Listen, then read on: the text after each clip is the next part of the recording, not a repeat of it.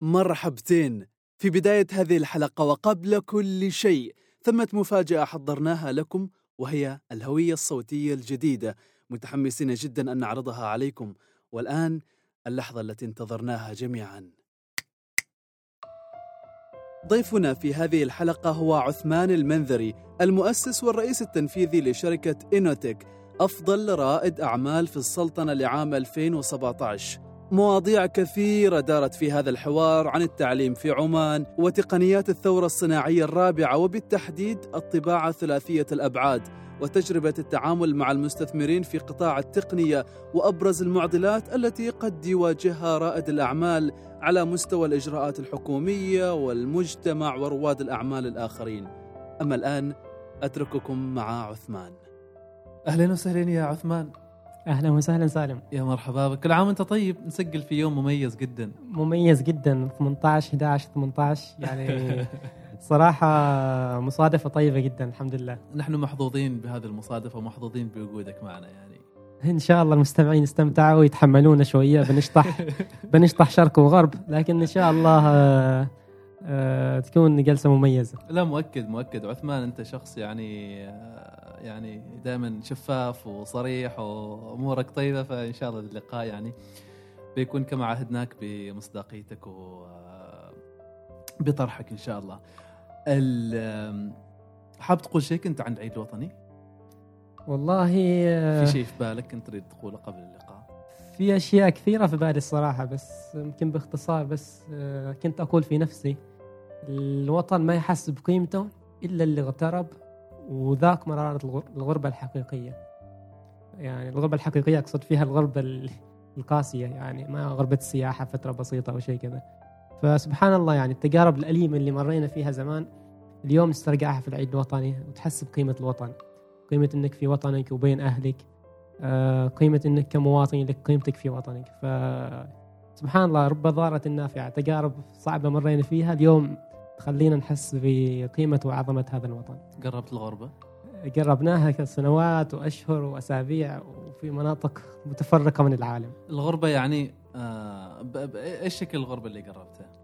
والله شوف هي الغربة ما بس غربة الأرض غربة آه، إنك تحس إنك في مكان ما تريد تستقر فيه. أعتقد هذا هو أفضل تعريف للغربة. يعني ممكن آه، تكون في بلد ثاني بس تحس إنك في وطنك. الحمد لله بلدان عربية كثيرة في هذا تحس فيها إنك في وطنك فعلا. مم. بس الغربة الحقيقية لما تكون في مكان تحس إنك ما تريد تستمر فيه. تحس آه، غريب بين الناس غريب بين العادات والتقاليد اللي هناك. صحيح. مم. صحيح. زين خلينا ندخل على طول على مسألة ال- الوظيفة وريادة الأعمال. تعتقد الشخص مفترض من أول ما يتخرج من الجامعة يعني على الافتراض أنه يدخل على طول في ريادة الأعمال وما يضيع وقت ولا ياخذ وقته في أنه يدخل مؤسسة ويتوظف فيها وياخذ منها التجربة تجربة أنه يكون موظف وبعد ذلك يبدأ في ريادة الأعمال. والله سؤالي له يعني ما له إجابة محددة. أعطيك مثال أنا مثلا اشتغلت سنتين ونص تقريبا في أحد الشركات وبعدين اتجهت لريادة الأعمال اللي مم. كنت بديتها أصلا وأنا طالب قبل الوظيفة. آه هذا الشيء مفيد من عدة نواحي. أول شيء آه أنت كخريج جامعة ما عندك أي خبرة عملية تقريبا مجرد تدريب هنا وهناك. فمفيد بالنسبة لك أنك تشتغل سنتين ثلاث في شركة خاصة الشركات الدولية هذه. تطور فيك بشكل كبير. تطور فيك من ناحية اللغة من ناحية إدارة الوقت من ناحية إدارة المهام تحمل ضغوطات العمل. تشوف الشركات هذه كيف تشتغل كيف يديروا مشاريعهم. أه تتعلم بشكل كبير من هذه الشركات وهذا الشيء أكيد يفيدك كرائد أعمال. بينما النموذج الثاني اللي هو تتجه لريادة الأعمال مباشرة بعد التخرج نفس الشيء له ميزاته خاصة حاليا. يعني زمان ما كان في مستثمرين مثلا. أها. فكان لازم إنك تدبر حالك يعني. الحين لا أنت ممكن تتخرج من الجامعة شوف لك واحد من المستثمرين اللي بادين يطلعوا في السلطنة. آه، المبلغ اللي يستثمر المستثمر هو اللي يغطي التكاليف المادية اللي تحت- تحتاجها أصلا. آه، في تأسيس الشركة. فصراحه أنا ما زلت أميل نوعا ما إلى النموذج الأول اللي, اللي أنت اتخذته. اللي أنا اتخذته طبعا. لأنه إلى اليوم إلى اليوم في أشياء آه، أنا أستفيدها من تجربتي السابقة. مثل إيش؟ مثلا ضغوط العمل أول وأكثر واحد استفدته. طبعا وظيفتي كانت كلمة ضغوط عمل ما تكفي عشان توصفها. كنا في بعض الأحيان نكمل آه، أكثر من 30 ساعة متواصلة من الشغل من دون نوم من دون آه، من دون راحة لفترات طويلة. فهذيك الضغوطات يعني كنا نوصل حد الانهيار فعلا. آه، هذيك الضغوطات تخليني اليوم لما أشتغل 15 20 ساعة متواصلة وشغل وضغط وإيميلات من هنا واتصالات من هناك وهنا متأخر. الضغوطات هذه صارت بالنسبة لي piece of cake ما عندك أي مشكلة وأنت في قمة تركيزك. أيوه لأن تعودت عليها. يعني أقول لك الضربه اللي ما تقضى عليك تخليك شخص أقوى. نعم. فهذه أحد. أحد الأشياء اللي استفدناها مثلا. استفدنا أشياء ثانية من ناحية آه، طبيعة عمل هذيك الشركات إنه مثلا كان دائما يعيدوا ويكرروا إنه أهم شيء عندهم رأس المال البشري. ويشوفوا الشخص آه، أهم من طبعا مع إنه شركة دولية عشان باقيين عندهم معدات وبراءات اختراع آلاف سنويا. بس مع ذلك دائما المدراء لما يزورونا في في مراكز تدريب أو في مقار العمل دائما يركزوا على إنه أنتم المهندسين أنتم الموظفين اللي عندنا أنتم رأس المال البشري اللي عندنا أنتم سر قوتنا ونجاحنا.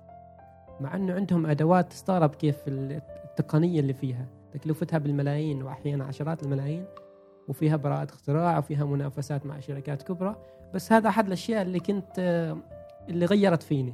مم. وفعلا مع الوقت تدرك إنه هذه المؤسسات وكل مؤسسة في العالم في النهاية قائمة على رأس مال البشري. الأشخاص اللي يشتغلوا فيها هم اللي يحددوا مصير هذه المؤسسة. يعني أنت أنت تقول ان الحين لو ما كنت توظفت أو ما كنت اشتغلت في السنتين هذيك كان بيكون مصيرك مختلف تماما حتى ولو كنت في ريادة الأعمال. أعتقد أيوه كان لها تأثير كبير جدا على تغيير عقليتي. عقليتي تغيرت بشكل كبير وحتى شخصيتي. أنا أتذكر طبعا كنا نسافر فترات طويلة أحيانا نروح آه، أربعة أشهر متواصلة آه، نكون ما بين صحراء وبحر وورشة.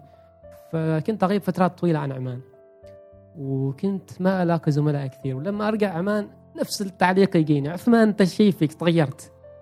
يعني آه، أنا كنت إنسان هادي جدا وما أتكلم. أذكرك. وتحصل وتحصل جماعات الشباب عثمان قاس عقان بيسمع ويضحك وكذا. بعدين شافوني يعني صرت إنسان لاعية لسانه أطول منه شخصيتي تغيرت. أنا ما حسيت في البداية. بس مع الوقت اللي في البيت قالوا انت. تغيرت زملائي اللي كانوا أيام الجامعة قالوا إنت تغيرت اللي في المدرسة قالوا يعني الشيء يتكرر مرة ومرتين وثلاث أنت تسأل نفسك هل فعلا؟ وتراجع نفسك وتحصل فعلا إنك تغيرت. الشيء اللي يغيرك هو هذه الضغوطات. الضغوطات التجربة الجديدة الحياة مع يعني أنا يمكن تقريبا 80 جنسية اللي كانوا موجودين معنا. الثقافات هذيك والله تجربة لا لا تنسى. بقد ما هي كانت صعبة ومؤلمة بقد ما هي شكلت شخصيتي اليوم. صحيح وتو تتكلم تذكرت يعني رجعت بالذاكرة. للمواد اللي كنا سجلناها مع بعض في الهندسة واللي درسناها مع بعض. يعني عثمان فقط أسمع اسمه في ال في ال attendance sheet صحيح. ورقة الحضور. وعثمان فقط يعني كان شو اسمه كان عادي يعني ما ما كان من الطلاب اللي هم يسووا فوضى واجد ولا كان من الطلاب اللي هم لهم حضور قوي يعني في في الصف عموما. بس الآن الآن الآن عثمان غير. على طاري الجامعة إيش بالنسبة لك إيش أضاف لك التعليم في الجامعة؟ آه، إيش أضاف للتعليم؟ أنا بغير سؤالك شوية. إيش أضافت لك الحياة الجامعية؟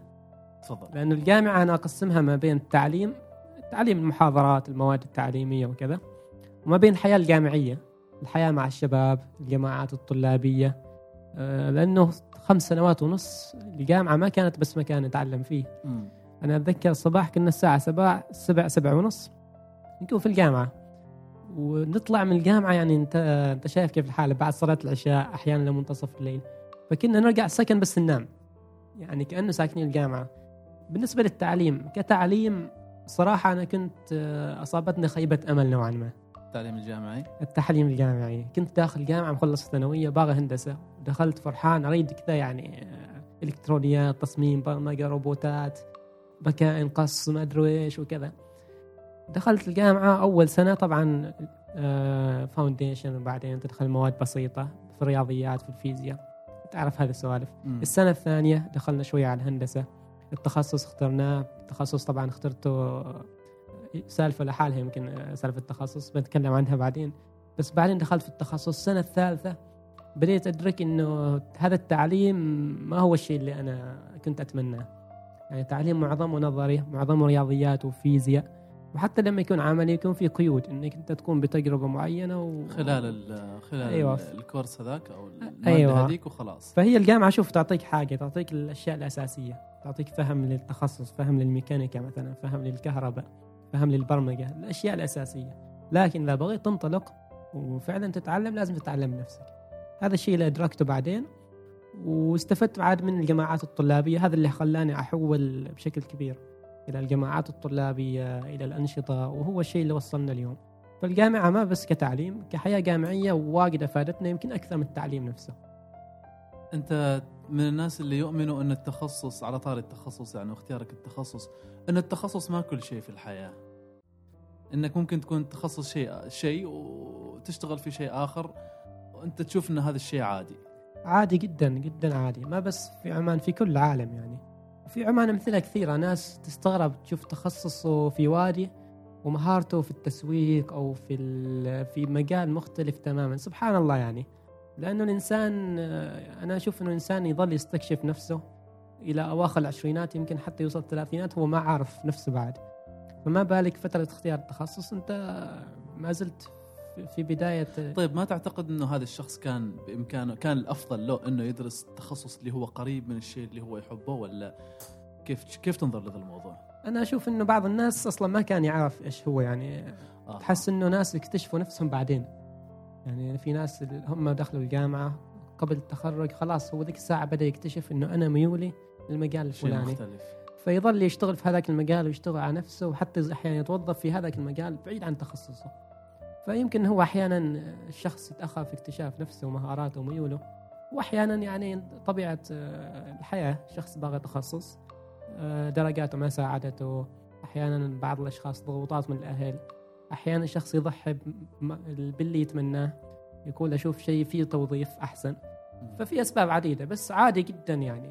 التخصص ما يعني إنك أنت محصور في هذه الزاوية طول حياتك خلاص. أوكي. أم تقول عن التعليم في واحدة من تغريداتك ما زال التعليم يكرم أصحاب الذاكرة القوية ويهمل أصحاب التفكير الإبداعي. للأسف للأسف يعني إحنا التعليم معنا ما بس في عمان يعني معظم دول العالم أو كثير من دول العالم ما زال نفس النظام. عندك ذاكرة قوية تحفظ معادلات وأسماء وتواريخ وبيوت شعر وما أدري إيش. أنت غالبا تجيب درجات أفضل من البقية. ويمكن أنت تتذكر سالم يوم في الجامعة كان معظم مذاكرتنا عبارة عن حفظ. تمسك لك فعلاً تمسك. معادلات. فاللي حصل إنه الشخص اللي عنده ذاكرة قوية هذا عنده ميزة مقارنة ببقية الطلاب. نهاية الفصل أو نهاية السنة يس- يكرم كأنه أذكى من البقية. والذكاء طبعا تعريف ما ممكن نحصره في مجال معين. فاللي حصل إنه غالبا غالبا وهذا من تجربة شخصية الأشخاص اللي عندهم تفكير إبداعي اللي فكره خارج الصندوق الأشخاص المبتكرين غالبا تحصلوا من الشخص اللي يتملل بسرعة الشخص اللي ما ممكن تحصره في صف دراسي تحفظه كم معادلة وتخلاه في قالب معين. فينظلموا كثير يعني. ونماذج كثيرة أشخاص في دراستهم كانوا تحت المتوسط أو حتى في المتوسط بس ناس مبدعين ومبتكرين في كل الجوانب فالتعليم ما بس في عمان بشكل عام محتاج لثورة على مستوى العالم. وفي دول مثل فنلندا وسنغافورة بنتكلم عنها بعدين. إيش إيش صار في فنلندا؟ أبدعوا بشكل كبير في هذا المجال. فنلندا اللي يعجبك فيهم إنه غردوا خارج آه، مثل ما يقول لك آه، أو طاروا خارج السرب. كيف؟ آه، أول شيء يجوك الجماعة قالوا من الصف الأول إلى الصف السابع ماشي اختبارات. يجي الطالب الصباح يتعلم مهارات ولا يتعلم المعرفة. المعرفة بدل من انت تلقمه بملعقة.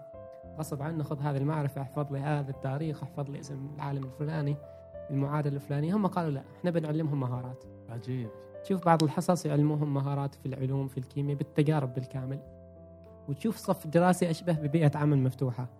غالبا ما يكون في كراسي وطاولات والنظام ال- الأشبه بالعسكري هذا مم. اللي منتشر آه، في كثير من المدارس فهذا اللي اللي, اللي صار إنه الطلاب هذا من الأول للسابع حسوا إنه أنا مطلوب مني إني أتعلم مهارات الحياة، أتعلم مهارات في الفيزياء هنا، بعدين أتعلم مهارات في الرياضة، بعدين حتى في الموسيقى يتعلم مهارات عزف، يتعلم مهارات مختلف الجوانب، هذا يساعده يستكشف نفسه أصلا. فشالوا عنه ضغط الامتحانات شالوا عنه ضغط الامتحانات وسالفة درجات مراقب. وممكن كذا وممكن كذا. طيب في تقييم معين لل لهذه المرحلة؟ هو طبعا هذا النظام فيه معارضين وفيه مؤيدين لكن اللي متفق عليه إنه في اختبارات دولية لأنظمة التعليم.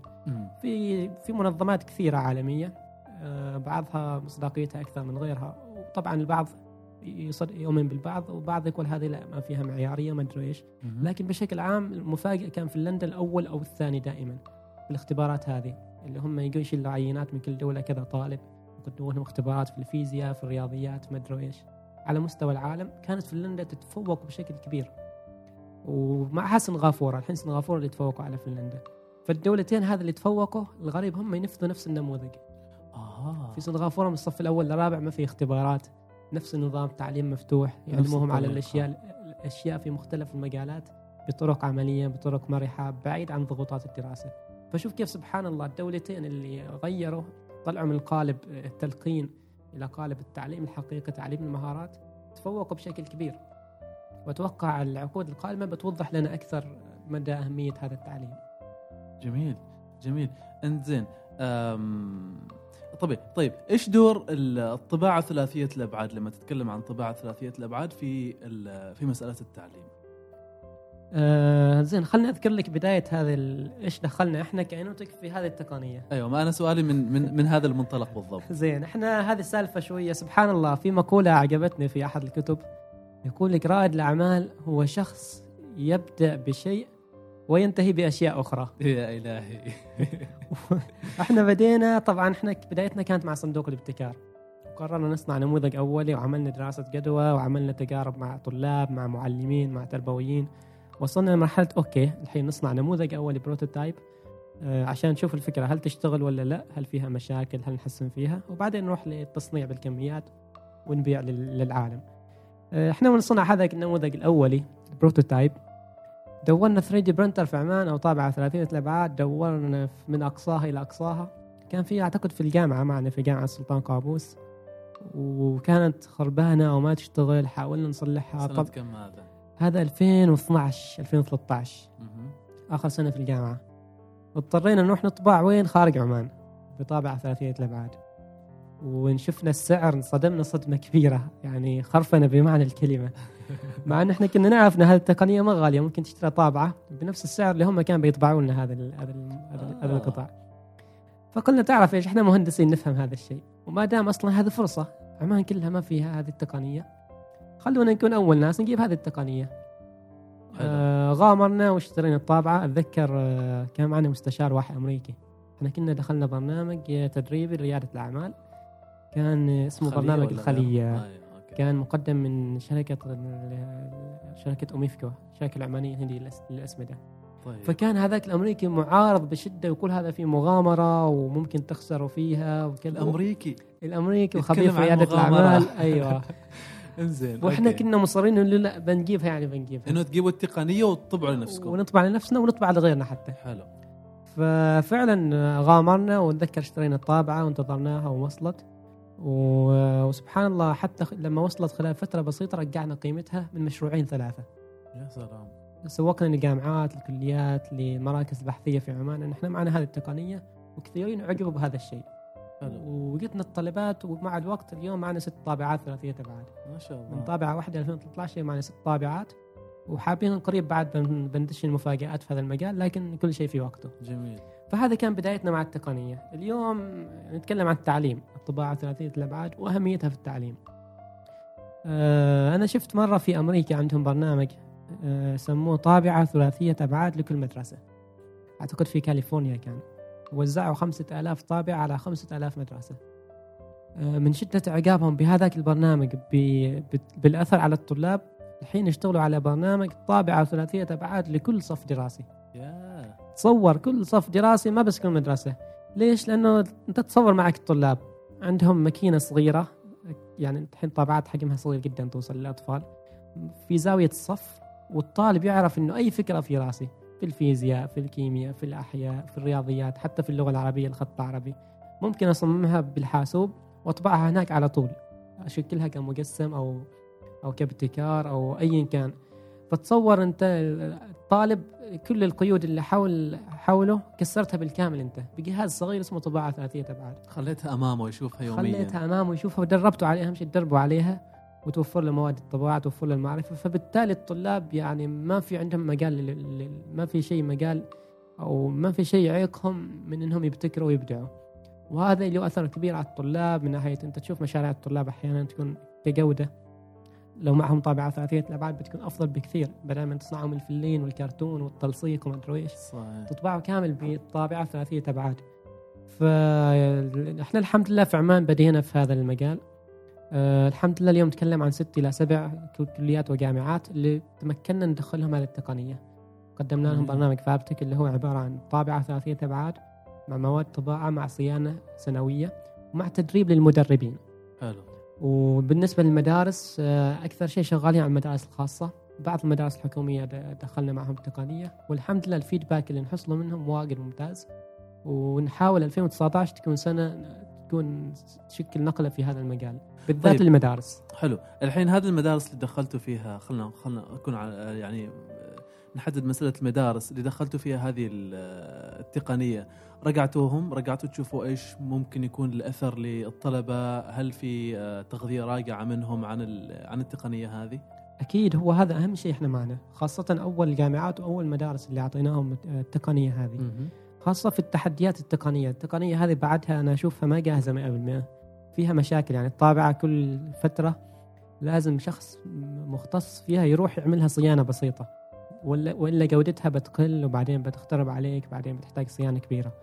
فإحنا أصلا آه، حتى من ضمن عقود بعض ال- المؤسسات آه، نزورهم بشكل دوري. كل فترة نروح نزورهم نشوف الطابعة كل شيء okay محتاجة صيانة محتاجة calibration محتاجة شوية تعديل ولا لا. ومع هذا نأخذ ال feedback من المعلمين من الطلاب آه نشوفهم كم مشروع طبعتوا فيها إيش المشاكل اللي تواجهوها كيف ممكن إحنا نحسن هذه التجربة. وشغالين على هذا المو... على هذا المنوال. إلى الآن كيف كيف التجربة بالنسبة هذه لهذه المؤسسات؟ إلى الآن صراحة تجربه جدا ممتازة ومشاريع حلوة كثير تطلع منهم بس المشكلة التقنية هي الأكبر إلى اللي تواجهنا إلى الآن. آه، خاصة مع المدارس بتشكل عقبة كبيرة أمامهم إنه لازم شخص مهتم بهذه التقنية يكون موجود هناك مع الطابعه آه. أو على الأقل زيارة دورية بشكل مستمر. كمدرسين تقصد؟ كمدرسين أو حتى كطلاب آه، لازم يكون في شخص موهوب عشان يتمكن من صيانتها.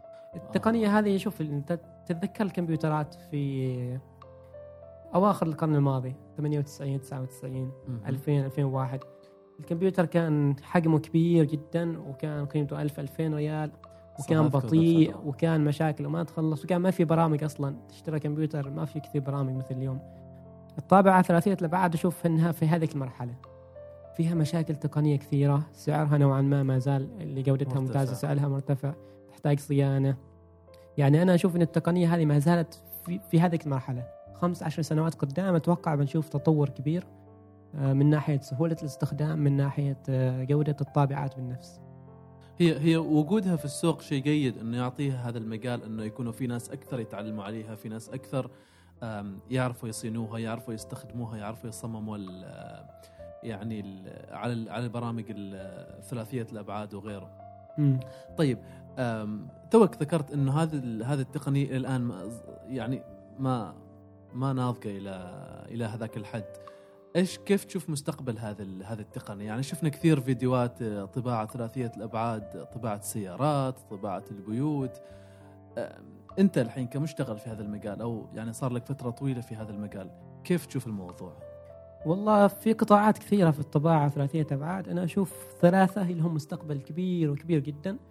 وإحنا نحاول حتى ندخل فيهم آه، في أقرب فرصة. إيش هم؟ آه، القطاع الأول قطاع الطباعة ثلاثية الأبعاد في المجال المعماري. آه، أتوقع شفت قبل فترة انتشر فيديو في السعودية طبعوا بيت بالكامل بالإسمنت بطابعة ثلاثية أبعاد. مم. وفي الإمارات قبل فترة في دبي في مكتب موجود على شا- شارع الشيخ محمد بن راشد. مكتب بالكامل طبع بطابعة ثلاثية الأبعاد. طبعا في إسمنت خاص. الصين شفنا تجربة في روسيا بدأت تنتشر مع الوقت.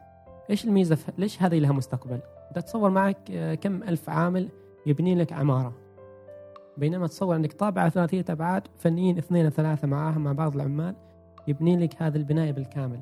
انت وفرت في القوى العاملة وفرت في ال- حتى في ال material وفرت في الوقت آه، سرعة السلامة. الطباعة السلامة. مجالات كثيرة وحتى في دبي أعلنوا إنهم بألف بالعام 2025 يطمحوا إن ربع بناياتهم تكون تبنى بطابعة ثلاثية أبعاد. وهذا الإعلان آه، شكل نقلة كبيرة في العالم كثير مؤسسات اتجهت للبحث والتطوير في هذا المجال. يعني هي طباعة بالإسمنت بإسمنت خاص للمجال المعماري. فهذا له. مستقبل كبير آه، على مستوى العالم. آه، مجال ثاني الطباعة ثلاثية الأبعاد في مجال الطب. كان في تجربة أعتقد في عمان في جامعة السلطان قابوس. طبعوا قطعة من مفصل أعتقد. كان في أحد المرضى مصاب بحادث.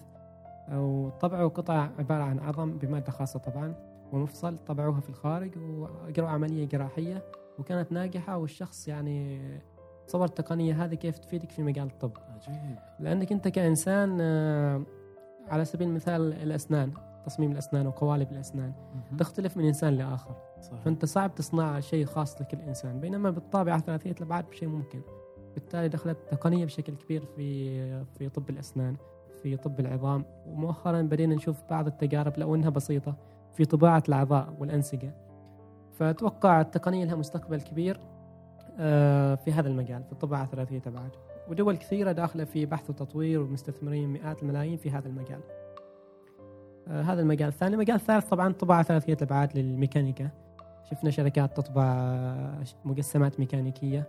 شفنا في بريطانيا تجربة طبعوا قطعة مطبوعة ثلاثية أبعاد وركبوها في طائرة نفاثة وحلقوا فيها آه. كاختبار لصلابتها عشان كتوضيح لصلابتها نعم.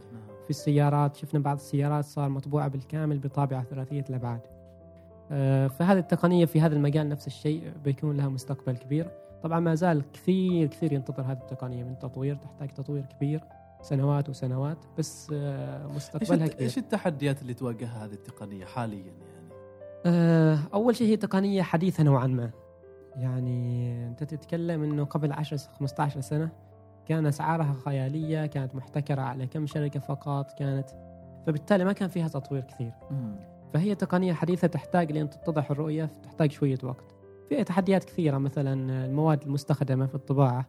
بعض الطابعات مواد خاصة وغالية ومحتكرة ببراءات اختراع. آه، في عندك آه، الطباعة ثلاثية الأبعاد الحين معظمها بالبلاستيك أو بمواد بسيطة. إذا جيت تحتاج طابعة بالمعدن موجودة لكن أسعارها خيالية ما ممكن يشتريها صاحب مؤسسة ولا حتى جامعة ولا حتى كلية. فسعر التقنية مرتفع آه، التقنية بطيئة نوعا ما آه، فيها ليميتيشنز كثيرة تقنيا. فالتقنية محتاجة لين تنضج محتاجة شوية وقت.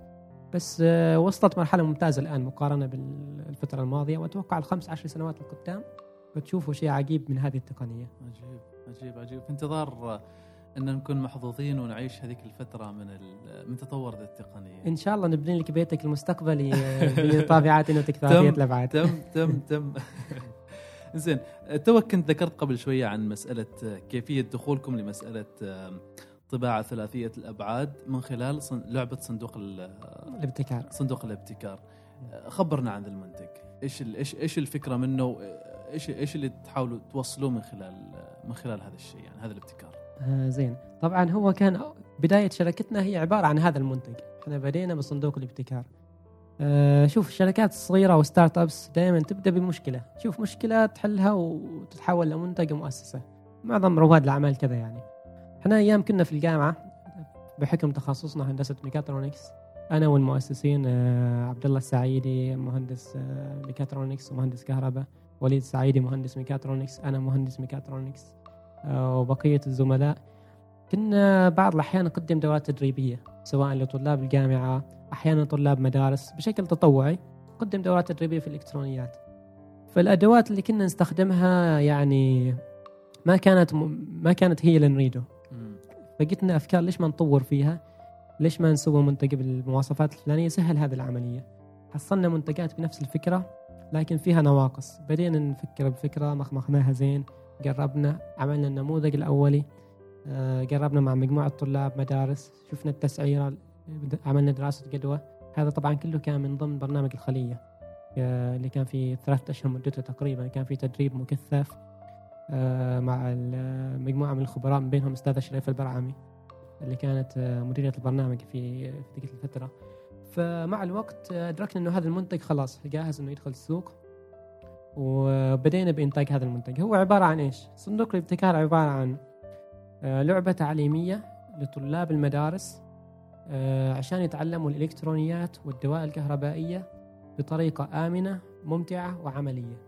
مركزين على هذه النقاط الثلاث السيفتي لأنه كثير أدوات آه، تستخدم خاصة في الجامعات ما فيها سيفتي من ناحية قطع صغيرة ممكن تجرح الطالب ممكن قابل للبلع أحيانا فيها خطر آه، شحنة كهربائية أو شيء كذا. ركزنا على السيفتي ركزنا على المتعة. أنا شخص أؤمن بأنه ما ممكن تعلم شخص حاجة ويبدع فيها إذا هو ما مستمتع فيها أو إذا هو ما أثرت فضوله. الفضول لازم يكون موجود وإلا ما بيتعلم بشكل ممتاز. الشيء الثالث اللي هو التدريب العملي لأنه هذا الشيء افتقدناه في مدارسنا بشكل كبير. كنا وحتى في جامعاتنا نتعلم بشكل نظري بشكل بحت نحفظ نسوي معادلات. تجيب عشرة على عشرة في الامتحان ولو حد حط لك مشروع أمامك ما بتسوى شيء. فركزنا على هذه النقاط الثلاث. الصندوق عبارة عن مجموعة قطع إلكترونية يركبها الطالب ويشكل دوائر كهربائية وربطناها بالمناهج المدرسية وحتى بالجامعات والكليات. ومؤخرا أضفنا الميزة اللي نحاول تكون ميزة معنا مقارنة بالمنافسين الدوليين. اللي هو التطبيق في ال Android وفي ال iOS في ال App Store أيوه أيوه أيوه, أيوة. واللي استثمرنا فيه وقت كثير واستثمرنا فيه مع رسامين مع مبرمجين مع مطورين مع معلمين وتربويين استثمرنا فيه وقت كثير كثير جدا. والحمد لله أنا الصراحة فخور جدا بال feedback اللي حصلناه. ما بس من عمان في ناس من مصر ومن العراق يرسلوا لنا إيميلات يشكرونا على هذا على هذا المستوى. جميل. وما بالغ. إذا قلت انها اللعبه العربية التعليمية الأولى كجودة كمحتوى. ما هي تصدرت آه، Google Play؟ تصدرنا في الفترة في قائمة اسمها trending educational games كنا في أتذكر المركز الثاني. أنا عملت تغريدة والشباب ما قصروا وصلنا في المركز الأول. جميل. في ال App Store كنا الخامس. آه بعد فترة على فكرة الحين إحنا ما بدينا الخطة التسويقية الحقيقية للعبة هذه. آه. إحنا ما زلنا نطور في اللعبة نحصل feedback ناويين نقوم بتسويقها خارج عمان أكثر من داخل عمان أصلا. ممتاز. هدفنا إنها لعبة عالمية وطموحنا إنها تكون لعبة رقم واحد في في, في ال App Store وفي ال Google Play Store كلعبة تعليمية. ممتاز. مش على مستوى الوطن العربي على مستوى العالم. جميل جميل جميل. الله يوفقك. طموح مجنون نعرف لكن تحملونا. الله يوفقك. شطحات رواد الأعمال. ما هي كل. كل الإنجازات تبدأ بهذه الطريقة يعني. صحيح. إنزين آه حصلتوا على استثمار من صندوق العماني للتكنولوجيا؟ خبرني عن هذه الخطوة بالنسبة لكم. كونكم دخلتوا السوق إلى حد ما عرفتوا كثير من الأشياء. ما أدري السنة الثالثة أو الرابعة هي كانت اللي دخلتوا فيها مسألة الاستثمار؟ تقريبا رابعة أيوه. الرابعة. مم. كلمني عن ذي التجربة وكيف كانت. آه طيب هي طبعا تجربة جديدة على على السوق العماني. آه إحنا زمان اتذكر كنا ندور مستثمرين تحصل المستثمرين معنا يستثمر يا في السميت يا في الطابوق يا في السمك يا في ال... يعني استثمارات تقليدية بحتة. أنت الله تلقى بالله ابتكار تعليمي انت جايب لي ابتكار وكذا يفتح لك الباب مع السلامة. فهي عقلية كانت زمان استثمار الآمن أو أنا أسميه اسمح لي هذه الجملة أسميه الاستثمار الجبان. أها. ليش جبان؟ لأنه جبان وغبي مع نفس ال... نفس الوقت. لأنك تستثمر مبلغ كبير تتكلم عن مئات الآلاف وملايين في في مجال معين تنتظر 10 15 سنة لين بس تسترد رأس مالك. بينما الاستثمار في startups أنت شوف اللي استثمروا في أبل في بدايات اللي استثمروا في الفيسبوك اللي اشتروا 1 2% من الشركة. مم. خلال سنوات البضعة ملايين اللي دفعوها صارت مليارات. الاستثمار في startup صح فيه مخاطرة لكن فعلا إذا نجح ينجح وبقوة بشكل كبير. فإحنا للأسف زماننا كان ما فيه. لين سمعنا عن صندوق عمان للتكنولوجيا عمان تكنولوجي فند تصور ظهر في ذيك الفترة أساسا. أيوه هم تأسسوا هذيك الفترة. وإحنا كنا أول دفعه أول رحنا لهم على طول. عرضنا عليهم المنتج وشرحنا لهم. و نزلوا عليكم من السماء على طول. أيوه. فكان هي فك فيها يعني شوف كم رواد أعمال دائما تحسه تحس له يعامل مؤسسته كأنها ولده. أنا آه. أمتلك 100% أنا وزملائي. ما يحب يضحي بجزء منها لمستثمر أو لشريك خارجي. وهذا الشيء ما زلنا نشوفه إلى اليوم. فإحنا لما يجيك مستثمر يقول لك أوكي أنا بشيل 10% من من المؤسسة. مؤسسة. بيتدخل في بعض القرارات الإدارية. آه، بيطلب منك تقرير شهري مالي وإداري وللعمليات أيضا. آه، هذا بعض الشيء يخلي رواد الأعمال يترددوا. رواد الأعمال ناس شاطحين بقوة يحبوا يكونوا حرين. فيه. أيوة. فهذا الشيء الحمد لله هم فهموه في صندوق أعمال التكنولوجيا معطينا حرية تامة بشكل كبير. أحيانا يكون في بعض ال- الحوارات. بس آه، ميزة إنه إحنا نشتغل معهم الحين سنة ونص تقريبا. آه، الحرية المطلقة معنا وهم يدعموك ما بس ماديا ما بس استثمار مادي لكن التدريب اللي حصلنا عليه من عندهم تدريب جدا جدا ممتاز خبراء من سيليكون فالي كان تدريب قاسي جدا ومكثف جدا واستفدنا منه كثير في المنتج الحالي. أيضا يدعموك بالعلاقات اللي معهم آه، سواء داخل أو خارج عمان. من ناحية آه، في المبيعات في التواصل مع أي مؤسسة تريد تدخلها هم يدعموك في هذا المجال. حلو. فالمستثمر هو ما بس استثمار مادي يعني ما بس يعطيك مبلغ وحاب إنه هذا المبلغ بعد هو استثمار معرفي وخبراتي. آه، استثمار استراتيجي أنا أسميه إنه هو يدخل معك يقدم لك التدريب يقدم لك المشورة يقدم لك العلاقات اللي هو عنده.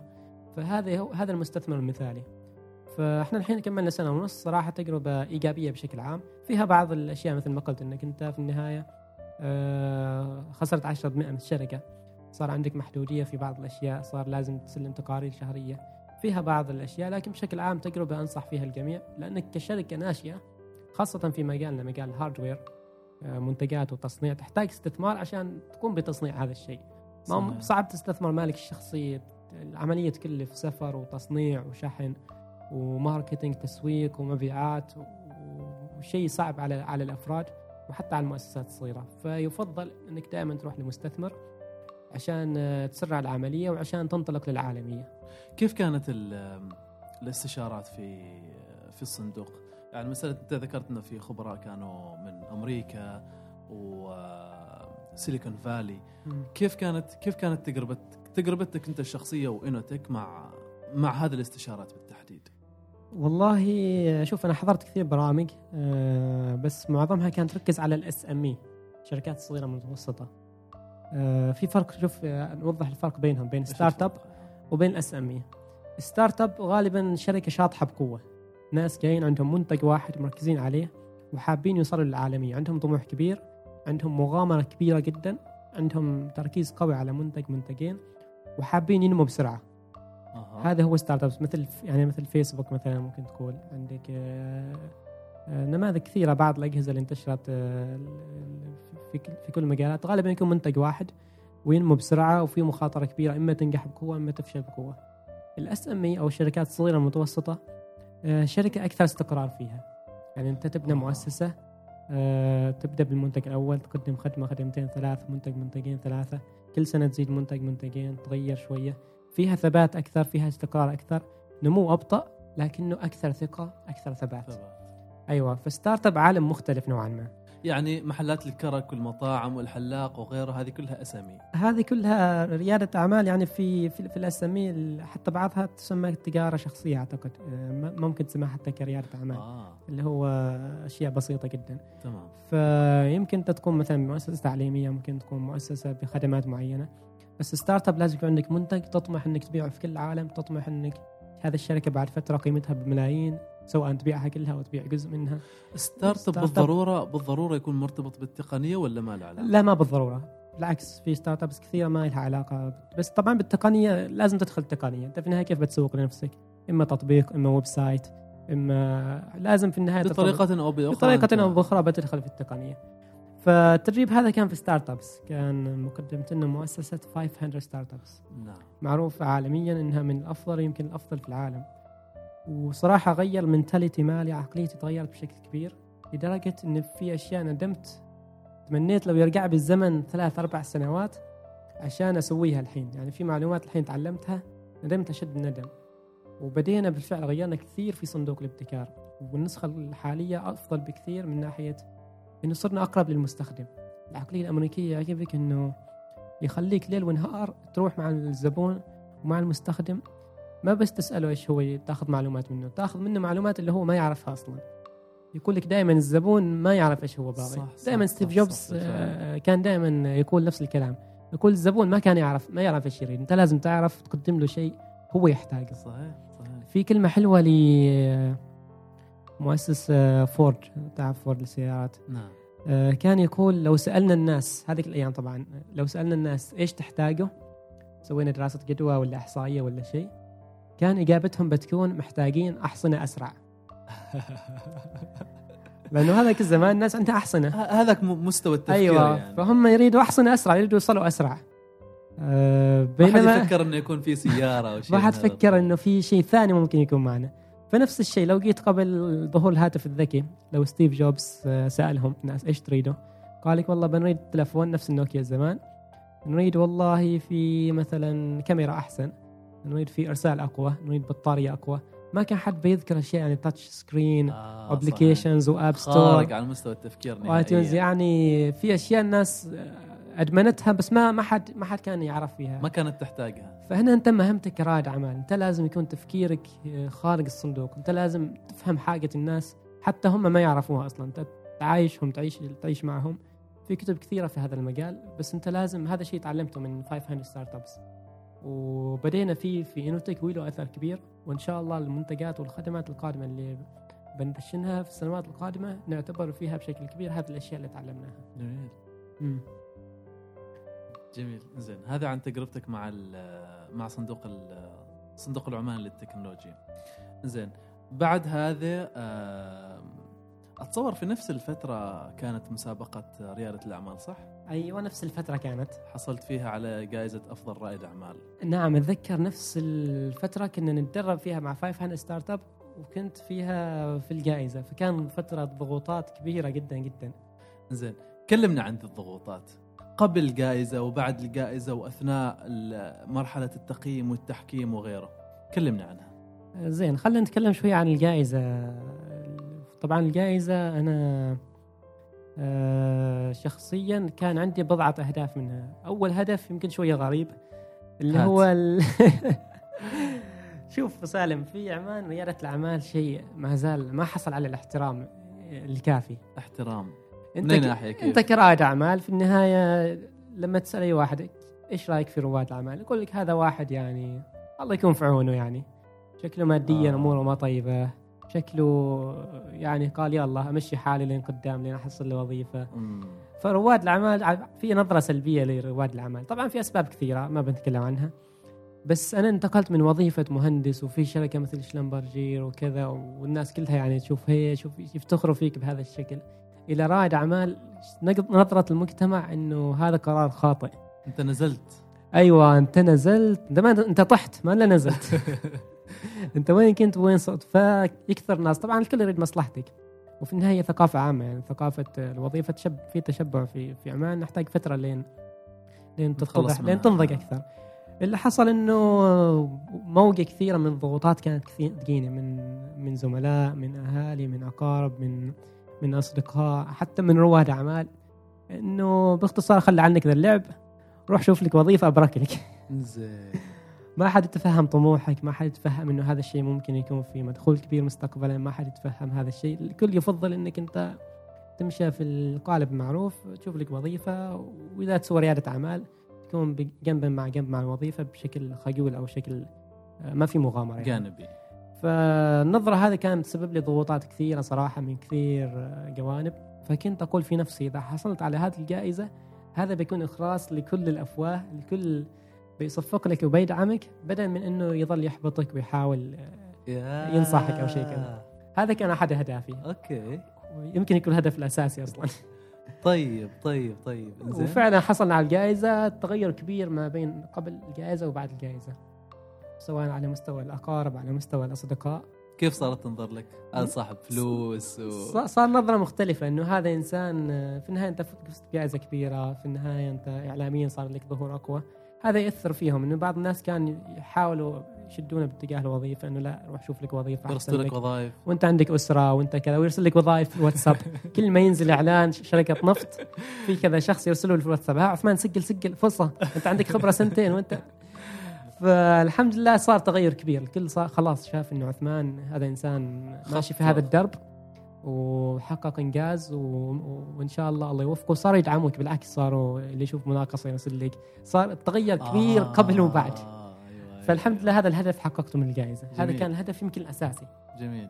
الهدف الثاني طبعا آه، كمؤسسة تفوز بهذه الجائزة. أنت حليت مشكلة موجودة في عمان اللي هي مشكلة المصداقية آه، أو الثقة بين الشركات الصغيرة والمتوسطة وبين الشركات الكبرى والحكومة. في أزمة ثقة كبيرة بين هذه الجهتين. آه، يمكن كل رواد الأعمال يتفقوا معي في هذا الشيء. أنت كصاحب مؤسسة صغيرة متوسطة خاصة إذا بديت من فترة بسيطة تروح تعرض خدماتك أو منتجاتك عند شركة كبيرة حكومية أو خاصة أو عند أو حتى عند الحكومة آه، تحصل أزمة ثقة ما يثقوا بالمنتج مالك أو بالخدمة مالك طبعا سبب هذا إيش سببه أنه عندهم تجارب سابقة مثلا المؤسسات هذه مع مؤسسات صغيرة. كان فيها مشاكل في الجودة أو في التأخير أو شيء فبالتالي صار في أزمة ثقة. أنت لما تحصل على هذه الجائزة هذه تعطيك بطاقة لدخول هذه المؤسسات. إنه إحنا كمؤسسة فائزة بجائزة ريادة آه، يعطيك ثقة عند هذه الشركات الكبرى إنك أنت آه، شركة فازت بجائزة أكيد فيها مصداقية أكبر أكيد عندهم منتجات بجودة. هذا أعطانا دفعة كبيرة وطبعا مم. هذا كان السبب الثاني. حلو للجائزة والحمد لله استفدنا بشكل كبير في هذا المجال. والمجال الثالث طبعا اللي هو التسويق والإعلام.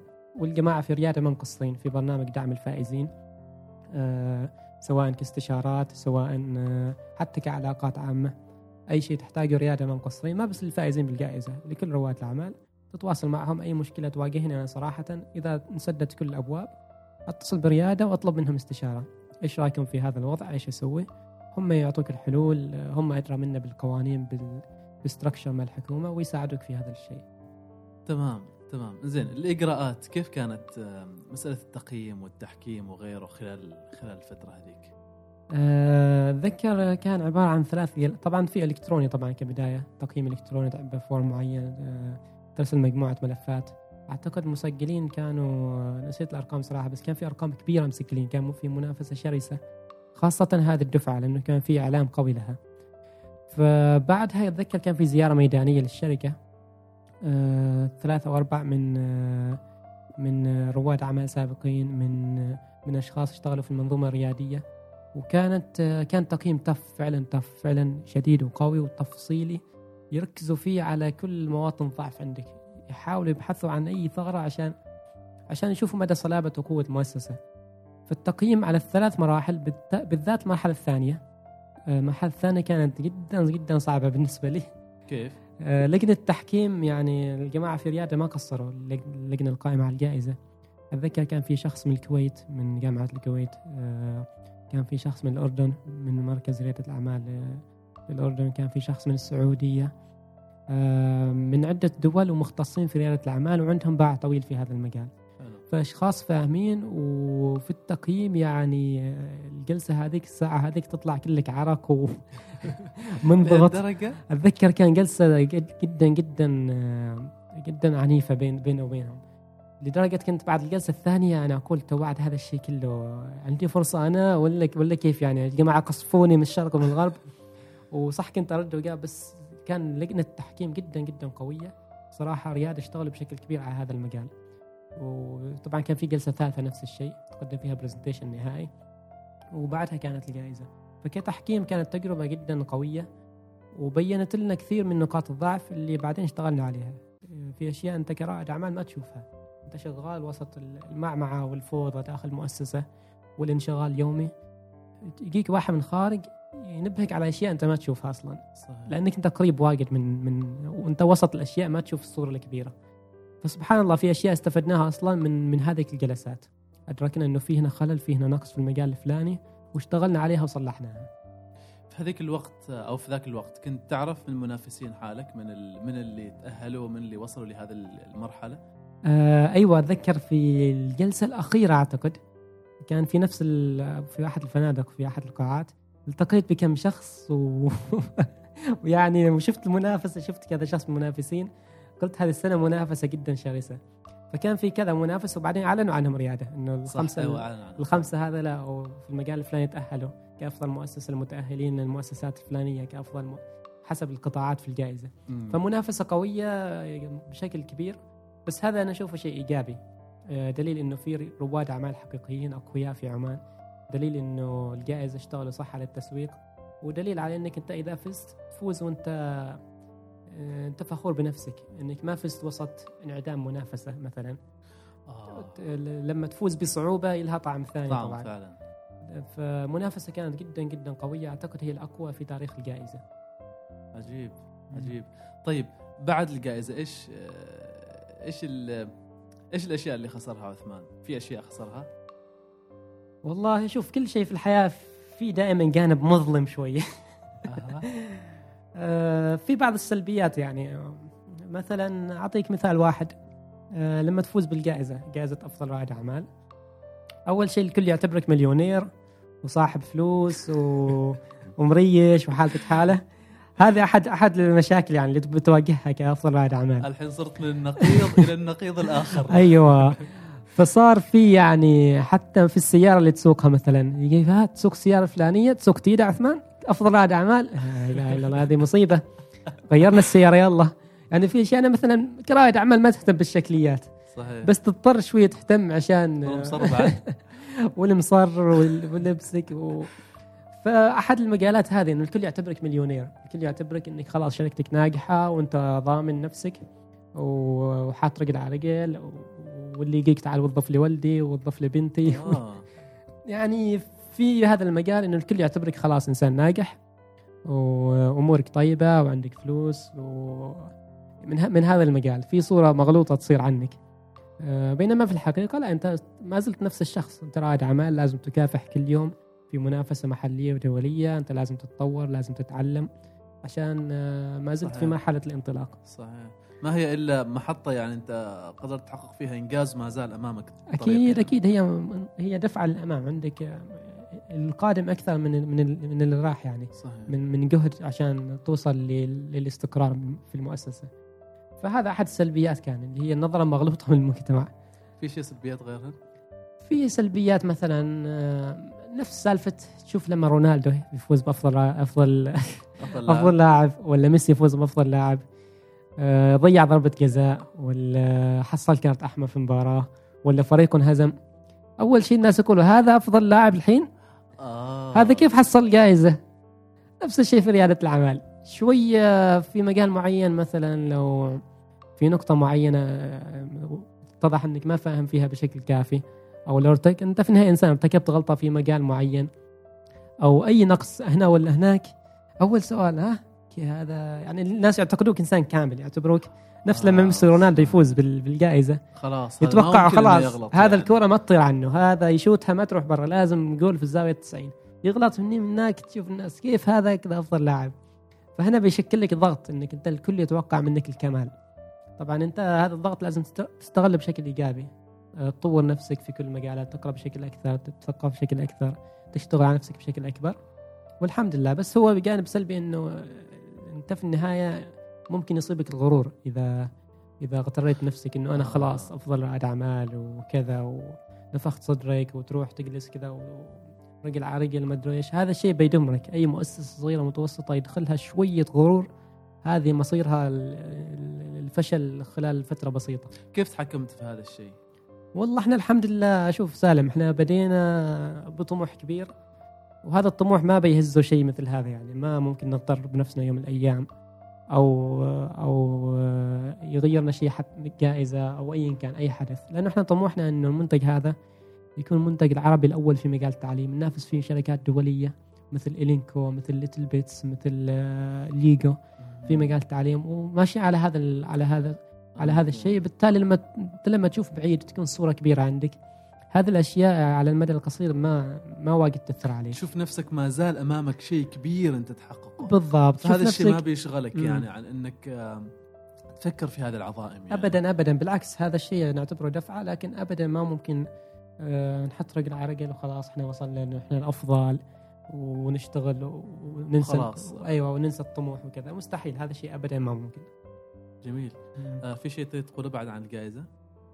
عن الجائزة والله آه، شوف هي الجوائز اللي في ريادة كلها آه، للمؤسسات. أفضل مؤسسة صناعية أفضل مؤسسة صغرى أفضل مؤسسة متوسطة في القطاع الفلاني. عدا هذه أفضل رائد أعمال مؤس- تعتبر جائزة شخصية. لكن آه، صح. قلت كلمة لما طلعت عشان كذا أنا تكلمت لما طلعت في الجائزة. آه، ذكرت أنه هذه الجائزة فردية لكن هي ليست تكريم لعثمان لكن لفريق العمل. إحنا اليوم آه، خمسة مهندسين full-time يشتغلوا بدوام كامل. آه، أنا وزملاء هاشم الراشدي مهندس ميكانيكا. معك عهود الوشاحي مهندس industrial انضمت لنا مؤخرا. الاستاذه أسماء آه، ال عبد السلام. أيضا آه، معلمة تقنية معلومات خريجة جامعة سلطان قابوس أيضا. آه، عندك وليد سعيدي آه، الصديق والشريك من المؤسسين ويشتغل بدوام جزئي معنا طبعا موظف في PDO كمهندس نفط عبد الله السعيدي آه، غني عن التعريف عبد الله السعيدي بعد معكم؟ شريك معنا من المؤسسين. عبد الله السعيدي عملنا له حلقة سابقة. أكيد من أفضل الحلقات كانت. إن شاء الله هذه تكون أحسن منها. ففريق العمل هذا كله معنا مهندس خالد الراشدي آه، يطور في ال VR في ال AR في ال... والشباب اللي يشتغلوا معنا ك part-time ك freelancers. الفريق بشكل عام هو اللي حصل على الجائزة وليس عثمان. عثمان في النهاية فرد من منظومة. آه، فعشان كذا أنا حتى لما طلعت قلت لازم أقول هذه الكلمة إنه هذه الجائزة ما حالي أنا هذه الجائزة للمؤسسة صحيح. وليست لعثمان جميل زين أم، فترة بسيطة من بعد ال- الجائزة وحصولك على الجائزة والظهور الإعلامي وكذا بس خفتت الأضواء نزلت تغريدة تنتقد فيها بعض الإجراءات الحكومية إيش اللي صار؟ زين طبعا آه، كل شخص عايش في عمان يعرف الوضع. إنه في تعقيدات آه، ما لها داعي وطبعا أسبابها كثيرة. والكل يتفق. أنا حتى مسؤولين على أعلى مستويات يتفقوا على هذا الشيء. لما تجلس معاهم يقول لك فعلا في مشكلة والكل شغال على يحل هذه المشكلة. أنا أتذكر كنا باغيين نسوي لافته حل بناية الشركة لأنه كثير ناس نعطيهم اللوكيشن تعرف يجوك. يوصل أمام بناية يتصل بك وينكم وما أدري إيش. فقلنا لازم إحنا نحط لافتة للشركة. حلو. طبعا إحنا ما محل شركة لكن لافتة تساعد. جينا نسوي اللافته وصارت سالفه طويله. من من بلدية إلى مكتب سند إلى وزارة إلى إلى إلى. أتذكر مرت أسابيع وإحنا زميل هاشم مسكين ما قصر. كان كل يوم بالسيارة يا روي يا سيب يا عشان مكتب هذا سند. عشان هذا الموضوع بس. عشان هذا الموضوع. وكان أحيانا يعني المشكلة إحنا معنا إيش؟ نظام نظام ورقي قديم جدا. أحيانا تنسى ختم تنسى توقيع يرجعوك تمشي مسافة ساعة وشيء بالسيارة. وبعدين يقول لك موظف كلام ثاني وتروح الموظف اللي جنبه كلام مختلف. تعقيدات ما لها اي داعي مس- مسببة مشكلة كبيرة لكل رواد الأعمال ولكل المواطنين بشكل عام. فأنا عاد لما جو علقوا اللافته من شدة التعب من شدة الإرهاق فصلت وأتذكر كتبت التغريدة وكنت رايح صلاله كان عندنا برنامج واصل جلسة تعريفية وكذا. ركبت الطائره طبعا flight mode للتلفون وصلت هناك وأشوف الدنيا منتبشة. قلت إيش سويت يا عثمان؟ سويتها تراك زين لأني ما من النوع اللي أحب أنتقد ما أحب السلبية. فبعدين بس أحيانا يعني هذا الأشياء هو شيء- يعني شيء واقعي. آه، هو شوف شيء الواقع أنت لازم تنقله بس آه، ندمت على التغريدة بيني وبينك. أنا النوع اللي أحذف تغريدات فخليتها ما حذفتها. صح أنا ما حصلتها أصلا بس كنت أتذكرها. موجودة ما حذفتها. أنا النوع اللي أحذف تغريدات يعني. آه، okay، okay. فندمت عليها لأنه في النهاية أنت يمكن أسأت علاقتك مع بعض. أحيانا في شخصنه لل... في عمان معنا شخصنة الأمور مم. تنتقد مؤسسة بعض الأشخاص فيك المؤسسة يعتبروك عدو وأنت تكرهنا وأنت من ما في يعني إنه هذا لا هذا شخص عانى وفي النهاية انتقد وإحنا نرحب بالنقد. ونبني عليه بالعكس تحس. إنه في شخصنة لل... في حساسيات كذا فعشان كذا أنا تمنيت لو إني ما كتبتها لكن آه، سبحان الله هي كلمة راحت. عفوية وراحت زين ما تعتقد يعني أنتم الآن دوركم آم، يعني في واحدة من التعليقات على هذه التغريدة كانت تقول إنه آه، هذا الفائز بجائزة ريادة الأعمال ويشتكي من الإجراءات. يعني هذا مؤشر كبير إنه في في فعلا في مشكلة حقيقية في مسألة الإجراءات للمؤسسات الصغيرة والمتوسطة. ما تعتقد إنه هذا دوركم أنتم ك يعني كأش... ك... كمؤسسات بارزة في في ال... في ال ecosystem عندنا إنكم تتكلموا عن هذا الإجراء إنكم يعني تتكلموا عن هذه القضايا هذه المشكلات توصلوها يعني أنا الآن أتخيل لو إنه مارك زوكربيرج مثلا تكلم عن الإجراءات الأمريكية في ال- في تخليص المعاملات أكيد بيكون في ردة. فعل كبيرة وانه إيش المشكلة وكيف ممكن نحلها وكيف. ما ما تتوقع ان هذا دوركم هو أكيد أحد الأشياء واجب علينا ما بس ما بس إحنا كرواد اعمال كل شخص يشتغل في المنظومة الريادية واجب عليه انه ينتقد نقد بناء.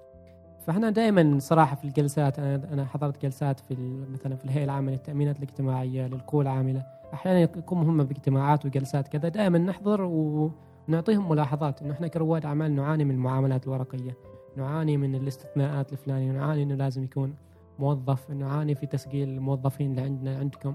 نعاني من الضريبه الفلانية في التأخير في الشيء الفلاني. التأمينات الاجتماعية. المؤسسات اللي أيوه تتأخر في الدفع. دائما نعطيهم شغلهم ما نقصر بس هذا يف... أنا صرت أفضل إنه يكون بشكل مباشر معهم. آه. لأنك لما تنتقد بشكل عام يمكن يمكن أنت سبحان الله تسبب بعض بعض السلبية. يمكن بعض الناس يخاف يدخل ريادة الأعمال مثلا. فأفضل أنا إنه نكون إيجابيين محتاجين إيجابية. إحنا في الوضع الحالي في الوضع الاقتصادي الحالي في النقلة الحالية في الاقتصاد محتاجين إيجابية. والنقاشات هذيك نخليها بشكل, بشكل مباشر مباشر. مع المؤسسات هذيك في في في الفعاليات والمؤتمرات أيوه أكيد هو. شوف بشكل عام الكل عارف بهذه المشكلة على أعلى المستويات أحيانا أنت توصل لأعلى مستويات تحصل على موافقة وفي نفس المؤسسة تتعطل إجراءاتك لأشهر مم. ما بالك لو كنت شخص عادي وماشي بشكل نظامي وجلست تنتظر بالأشهر. فمحتاجين كثير إحنا كعم كعمانيين محتاجين مجهود كبير جدا جدا في هذا المجال في كل المؤسسات بشكل عام يلا إن شاء الله تصير ال- الأمور أفضل يعني ما ما نضطر نغرد أو يعني إن شاء الله زين إيش إيش إيش اشكاليات أخرى تواجهوها كرواد أعمال؟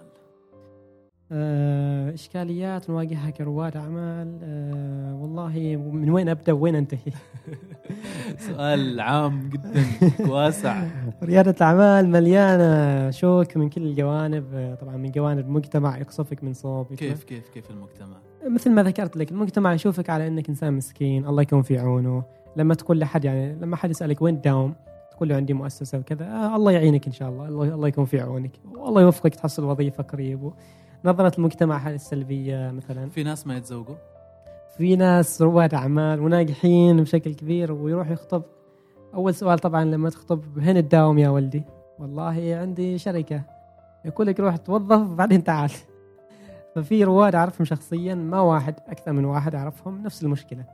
فنظرة المجتمع لرائد الأعمال إنه إيش ممكن تقول لهذا الأشخاص اللي اللي ينظروا لرائد الأعمال بهذه الطريقة؟ مثلا البنت اللي يتقدم لها شخص وهو رائد أعمال وترفضه بحجه إنه يعني آه، بحجه إنه رائد أعمال. أو آه، أبوها أو أهلها بشكل. عام. إيش إيش ممكن تقول لهم؟ والله شوف هو سالم. إحنا كعمانيين أكيد الكل يعرف الخريطه العمانية. زمان كانت عمان إمبراطورية واسعة. في شرق أفريقيا في حتى في أجزاء من باكستان حاليا في أجزاء من دول ثانية. اللي وصلوا للعمانيين هذيك الأيام ما وصلوا بالسيف وبالحرب وصلوا بالتجارة. إحنا كعمانيين سبحان الله طول تاريخنا رواد أعمال. ما شاء الله العمانيين وصلوا إلى شرق أفريقيا وصلوا إلى الهند وصلوا إلى باكستان وصلوا إلى الصين في كانتون ووصلوا إلى وصلوا إلى أبعد أماكن ما وصلها حتى غيرنا في المنطقة. إحنا كعمانيين رواد أعمال من يوم يومنا. اللي حصل إنه العقود الماضية آه، بعد النهضه المباركة إنه حصل تغير. إنه إنه يا تكون موظف يا تكون باحث عن عمل ومسكين ومتلته وحالتك حالة. فهذه رياده الأعمال العمانية التاريخية فقدناها. فإحنا كعمانيين مفترض آه، نرجع لهذا الشيء نرجع إن ريادة الأعمال هي هي اللي فعلا. بتنهض باقتصادنا. هي اللي آه، أنت ما ممكن تصير مليونير وأنت موظف. في النهاية كم بيكون راتبك؟ 1000 2000 5 10 كم بتحصل في 20 سنة؟ بينما كريادة أعمال طبعا فرص ضئيلة جدا لكن في إمكانية.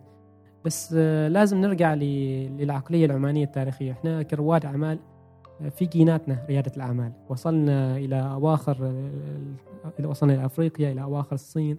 وصلنا إلى مناطق بعيدة جدا. وذاك الزمن أنت شايف كيف النقل كان في مغامرة بالبحر والقراصنه والرياح والأعاصير واللي يموت واللي واللي ينتقل هناك يسكن وما يعيش ما يرجع. فإحنا كعمانيين نحتاج نسترجع تاريخنا ونرجع لريادة الأعمال. على الأقل إذا ما إذا ما تحب تكون رائد أعمال وهذا شيء طبعا آه، جدا جدا طبيعي ما كل حد يتجه ريادة الأعمال. على الأقل رواد الأعمال يحتاجوا كلمة تشجيع. وإذا ما تشجع على الأقل لا تحبطه. صحيح. يعني فنتمنى إنه يكون في تغير في السنوات القادمة في ريادة الأعمال.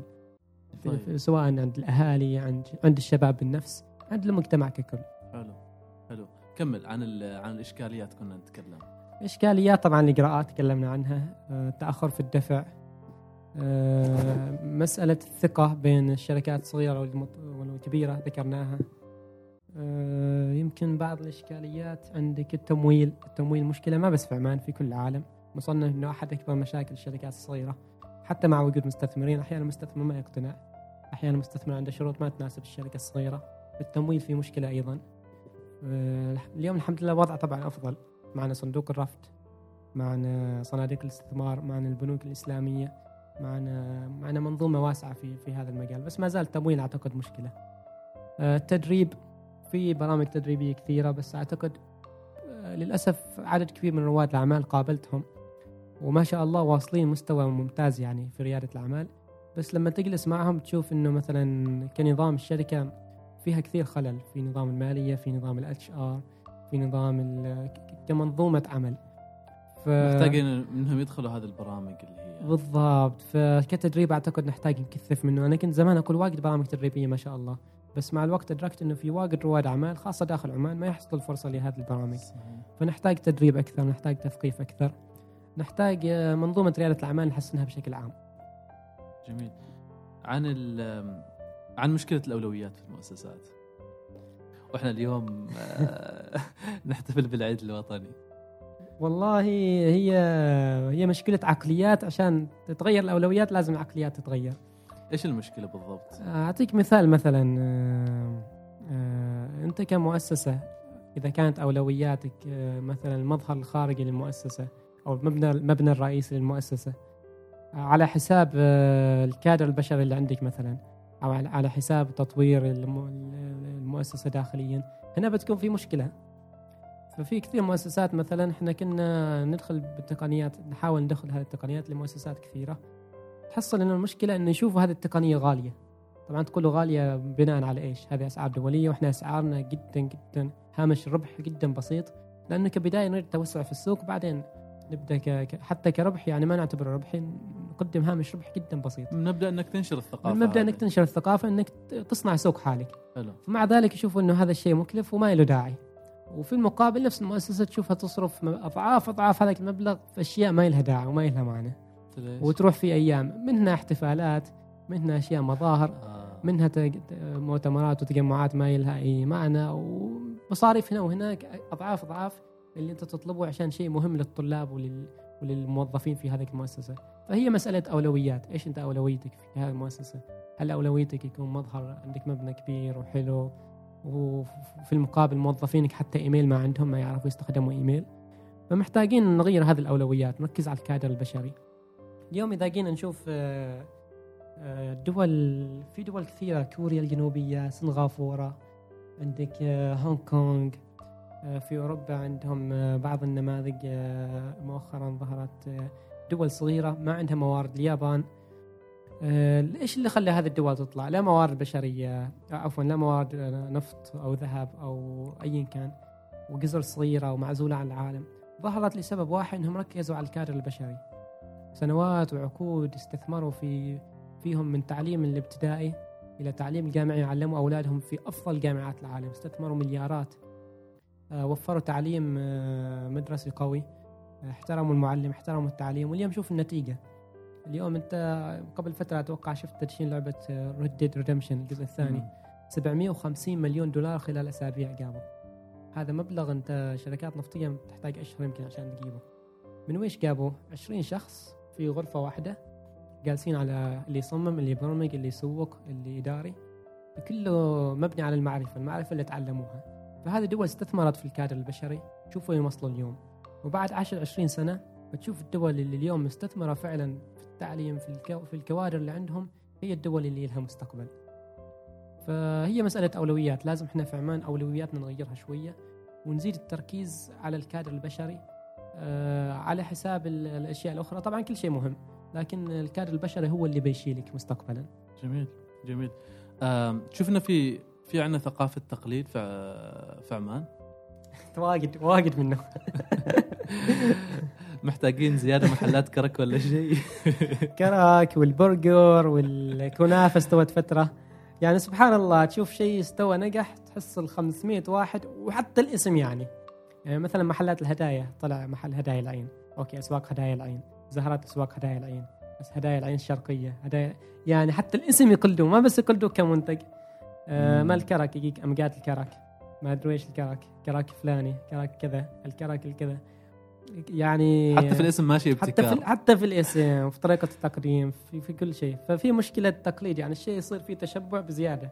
ظهر البرجر استوى عندنا 5000 محل برجر فجأة من لا شيء. ظهر واحد اثنين نجحوا والكل وراهم. كنافة عندك آه، في مشكلة تقليد يعني كل شيء في عمان يظهر وينجح شوية. تحصل واجد آه، ناس يقلدوا هذا الشيء. ما تتصور ذا الشيء يخلق نوع من التنافس بينهم؟ هو شوف حلو التنافس والتقليد شيء لابد منه. أكيد آه، ظهرت مؤسسة في مجال معين نجحت طبيعي يظهروا منافسين. بس في شيء لما يزيد عن حده ينقلب ضده يعني مثل ما يقول لك. في مثال حلو في أحد الكتب قريتها أعتقد كتاب Rich Dad Poor Dad يذكر يتكلم عن المنافسة. يقول منافسة مثل آه، مثل سباق الفورمولا 1 أو سيارات الفورمولا 1 اللي في المقدمة اللي الأول اللي انطلق بسرعة وصار الأول تحصله طول الوقت عينه على المرايا المنظر يشوف خلفه. لما اللي خلفه يلفوا يمين يلف معهم يمين عشان ما يتجاوزوا. يروح يسار ورا معهم يسار. أها. اللي في الخلف نفس الشيء تحصل عندهم سياسة إنهم يمشوا خلف الأول عشان حاجز الهواء هو اللي يكسره هو اللي في مقاومة الهواء اللي في الأمام يكون في مقاومة هواء على السيارة. اللي خلفه متخبين خلفه ما يجيهم هذا الهواء فيوفروا في البترول ويقدروا ينطلقوا بسرعة أكبر بعدين يتجاوزوا. فتحصلهم ماشيين خلفه. بالتالي صاروا كلهم في قالب واحد ماشيين فالمنافسة بعد فترة تصير فيها الكل يقلد بعض وما في مجال للابتكار يجي واحد ابتكر راح مجال كلهم وراه آه صح صح فهنا صح مشكلة صح. المنافسة يعني المنافسة okay. اللي, اللي- ما تدعم الابتكار ما تخدم أيوه ما السوق تخدم يعني. السوق ما تخدمك أنت كرائد أعمال أنت كرائد أعمال إذا جلست تشوف منافسينك okay حلو شيء أساسي إنك تشوف منافسين بشكل شهري وتكتب بياناتهم وتتابعهم وحتى تتجسس عليهم إذا قدرت آه. بس آه، عشان تبدع وتبتكر لازم نظرتك تكون أبعد من إني أتفوق على هذا المنافسين. واجد أمثلة في يعني مثلا في آبل في في شركات كبرى حطوها كسياسة عندهم إنه إحنا ما نشوف منافسين إحنا نشوف أبعد من هذا بكثير. نبتكر ونسوي عالم مختلف خلي المنافسين ورانا إحنا ما علينا من حد. نشوفهم ندرسهم نتابعهم لكن آه، ننطلق لحالنا. فمحتاجين هذا الشيء كرواد أعمال في عمان. نقلل أوكي قلد لكن ابتكر أبدع. خلي عندك آه، ثيمك الخاص آه، توجهك الخاص. جميل. في تغريدة كنت أقرأها لك آه، تغريدة عجبتني صراحة وباغي وجهة نظرك فيها. عدت للرياضه بعد انقطاع طويل بفضل نصيحة أحد خبراء عندما قال بأنك تظلم فريق عملك عندما لا تمارس الرياضة لأنك ستكون أقل إنتاجية وابتكار من المدراء التنفيذيين في الشركات الأخرى الذين يمارسون الرياضة بانتظام. نعم.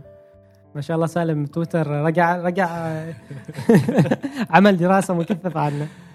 عشان كذا الفترة الأخيرة قللت من تغريدات يمكن شوية ضغوطات وشوية عشان يكون في بعض الغموض في شخصيتك ما ما, ما تعطي كل مفاتيحك للكل يعني مثل لا. لا عادي هي مسألة إنه يعني بعض الأحيان تحتاج تكتب بعض أكيد، توصل كتجربة. أفكار معينة والله. كتجربة هذه الفترة شوف هذا التغريده على فكرة كان زمن OTF مال Oman Technology Fund آها، صندوق. عمان للتكنولوجيا ونفس فترة الجائزة كان فترة ضغوطات صرت لا ألعب كورة لا أطلع أمشي لا كنت فترة واحدة الجيم توقفت آه، توقفت عن الرياضة بالكامل لين وصادفتني هذه المقولة من واحد أمريكي من اللي يدرسونه. كان آه، يقول مهما كانت كنت مضغوط الشخص طبعا هذا اللي درسنا كان مليونير. آه، أسس startup ونجحت بشكل كبير وبعد فترة باعها بمبالغ ضخمة بعشرات الملايين والحين يشتغل كمستشار وكمستثمر. فذكر لي هذه الجملة وظلت عالقة في ذهني إنه أنا ظلمت نفسي ظلمت جسدي أول شيء وظلمت عقلي. عقلك في النهاية يحتاج رياضة. العقل السليم في الجسم السليم وأنت لما تمارس رياضة عقليتك تتفتح أصلا. ظلمت حتى فريق العمل اللي عندي إنه أنا ما أقدر أبتكر وأبدع إذا أنا اشتغلت في هذه الضغوطات وما ريحت نفسي شوية ما مارست رياضة. رياضة شيء أساسي خاصة إن إحنا كرواد أعمال ما محصلين وقت لها نعتبرها شيء إضافي شيء تحسيني. لما سمعت هذه الجملة أدركت إنه هو فعلا شيء أساسي وأصريت مهما أكون مضغوط في الأسبوع في الأسبوعين لو مرة. تروح تلعب كورة تروح شاطئ تمشى تمشى في الحارة تتنفس هواء تصفى ذهنك صراحة خاصة رياضة المشي والقرية تصفية للذهن. تصفى ذهنك وتشوف الصورة الكبيرة تشوف أنا وين ليش أسست هالمؤسسة؟ وين كنت أتمنى أوصل؟ وين كنت قبل ثلاث سنوات؟ وين بكون؟ خاصة لما تكون وحدك هذه التساؤلات مهمة جدا لرائد الأعمال. فالرياضة الصراحة شيء أساسي أنا صرت أشوفه كمهمة عمل حتى. واجب عليك كرائد أعمال أنك تمارس الرياضة بشكل منتظم. جميل. جميل. جميل جميلة هذه النصيحة. آم، التغريدة الأخيرة أوعدك أن التغريدة الأخيرة. آه، شفت صدف كثيرة في حياتي لكن لكن مثل هذه الصدفة اللي شفتها اليوم ما حصلت ولا أظنها تحصل أبدا. والأجمل أنها حمتني من شيء كنت أتجنبه من زمان.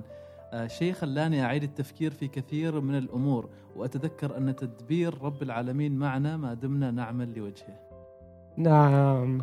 هو ما بذكر لك اللي صار بالضبط لأنه فيها نوع من الإحراج. أنا هذيك اليوم سبحان الله في شيء كنت باغى أسويه. قرار قرار صعب. آه، مع أحد ال- المؤسسات. قرار صعب جدا جدا يعني. استحواذ؟ ما لا لا هو فيها فيها نوع من الضرابة نوع من في في آه. في, في تاتش قوي يعني كذا. طيب. وأنا النوع طيب اللي ما أحب آه، المواجهة وال- والبوكسينج وكذا. زين فبعد فترة من التأجيل والتأجيل قلت خلاص لازم هذا الموضوع أحسمه. بجلس اليوم مع فلان الفلاني وبعطيه في شكله إنه كذا كذا واحد اثنين ثلاثة أربعة ويصير اللي يصير يعني خاربة خاربة. حلو. زين فلما قررت هذا الشيء بعدين سبحان الله صار شيء وأجلت أسبوع. صار شيء وأجلت يوم. كذا صار كذا تأجيل. صارت ظروف قاهرة يعني واضطريت أجل مع ان الموضوع كان مهم. أجلت لين صار اليوم اللي أجتمع فيه مع شخص من هذه المؤسسة. سبحان الله هو اللي طلب الاجتماع. قال لي بارنك عثمان في سالفة كذا كذا. وقال الكلام اللي أنا كنت بقوله حاله إنه كذا كذا. صار وكذا. والله هو يكلمني أنا عيوني كذا فاتحة.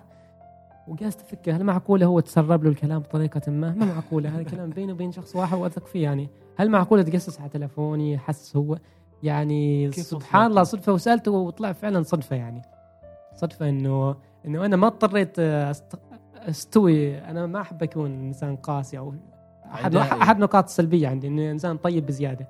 ما أحب أكون أتخذ قرارات قوية كذا. فسبحان الله جاء القرار من جهتهم وأنا ساكت وخليته يتكلم للآخر وبعدين قست أسأله عشان أتأكد هل هي فعلا صدفة وفعلا في أسباب ثانية صارت من هنا من هناك سالفة طويلة.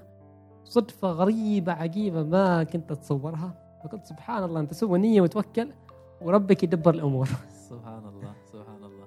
آه يعطيك العافية يا عثمان. شكرا جزيلا لك على وقتك وانك جيت وانت انسان مشغول يعني وافضل رائد أعمال أكيد إنك مشغول. فنشكرك على وقتك ويعطيك العافية. والله شكرا جزيلا سالم شكرا ل اللي استمعوا لهذه اللحظة اللي تحملونا أعتقد ساعة من الزمن الحين بنوصل. أكثر من ساعة. أكثر من ساعة. اللي تحملونا اللي قابض خط ويتسمع بودكاست. أنا دائما لما أروح خط مسقط صحار أسمع. أوه. واللي جالس يتسمع لنا من البيت. واينما أينما كنتم شكرا جزيلا إذا استمريتوا لهذه اللحظة. تحملونا على هذه الشطحات. و- وشكرا لفريق آه، طبعا سامي آه، وفريق بودكاست آه، كافيه. يعطيك العافية. شكرا شكرا يا. حياكم الله. مع السلامة.